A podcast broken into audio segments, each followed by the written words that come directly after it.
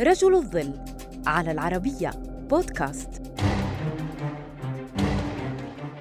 في الوقت الذي كانت الحروب تزهق الأرواح وتنهك أجساد المحاربين كانت عملية إنقاذ وإسعاف الجرحى مغامرة خطيرة حتى جاء من شعر بهذه المأساة وهو هنري دونان الشخص الذي فرض على العالم إنقاذ جرحى الحروب وكان السبب وراء إنشاء لجنات الإنقاذ الدولية. وإنشاء الصليب الأحمر ليكون أول من حاز على جائزة نوبل للسلام. جاء هنري دونان المولود في جنيف عام 1828 من عائلة مسيحية متدينة وكان يعمل في التجارة. وفي عام 1859 سافر دونان إلى شمال إيطاليا في رحلة عمل. وهناك شهد معركة سولفرينو بين القوات الفرنسية ضد النمساويين وكان ما رآه صادما بالنسبة له. أكثر من أربعين ألف قتيل وجريح ملقين على الأرض في ساحة المعركة دون أي رعاية طبية تقريبا ولم يكن الجيشان ولا الأهالي مجهزين للتعامل معهم.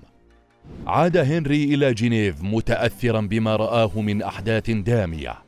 وفي عام 1862 ألف كتابا بعنوان تذكار سولفرينو وصف فيه ما رآه من معاناة بدقة ووزعه على العديد من الشخصيات السياسية والعسكرية البارزة في أوروبا. وسأل في الكتاب سؤالا كان أساسا لإنقاذ آلاف الأرواح إن لم يكن الملايين.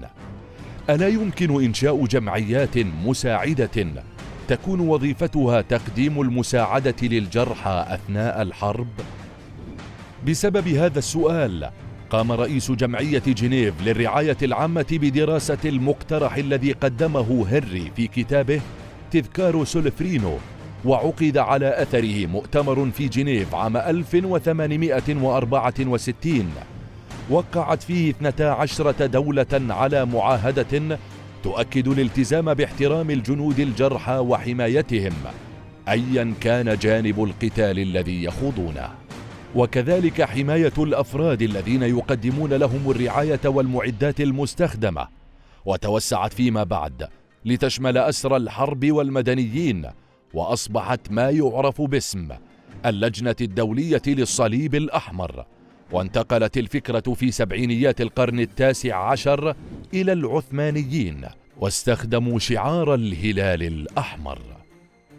وبفضل مساهمات هنري دونان المنسي إلى حد كبير أصبح الصليب الأحمر حاضرا في العديد من النزاعات المسلحة وشمل الكوارث الطبيعية والأوبئة. وأصبح بفضل هنري دونان يغطي 189 دولة في العالم ويعمل به قرابة المئة مليون. يقومون بإنقاذ ملايين الأشخاص حول العالم من المتضررين بسبب الحروب والكوارث الأخرى.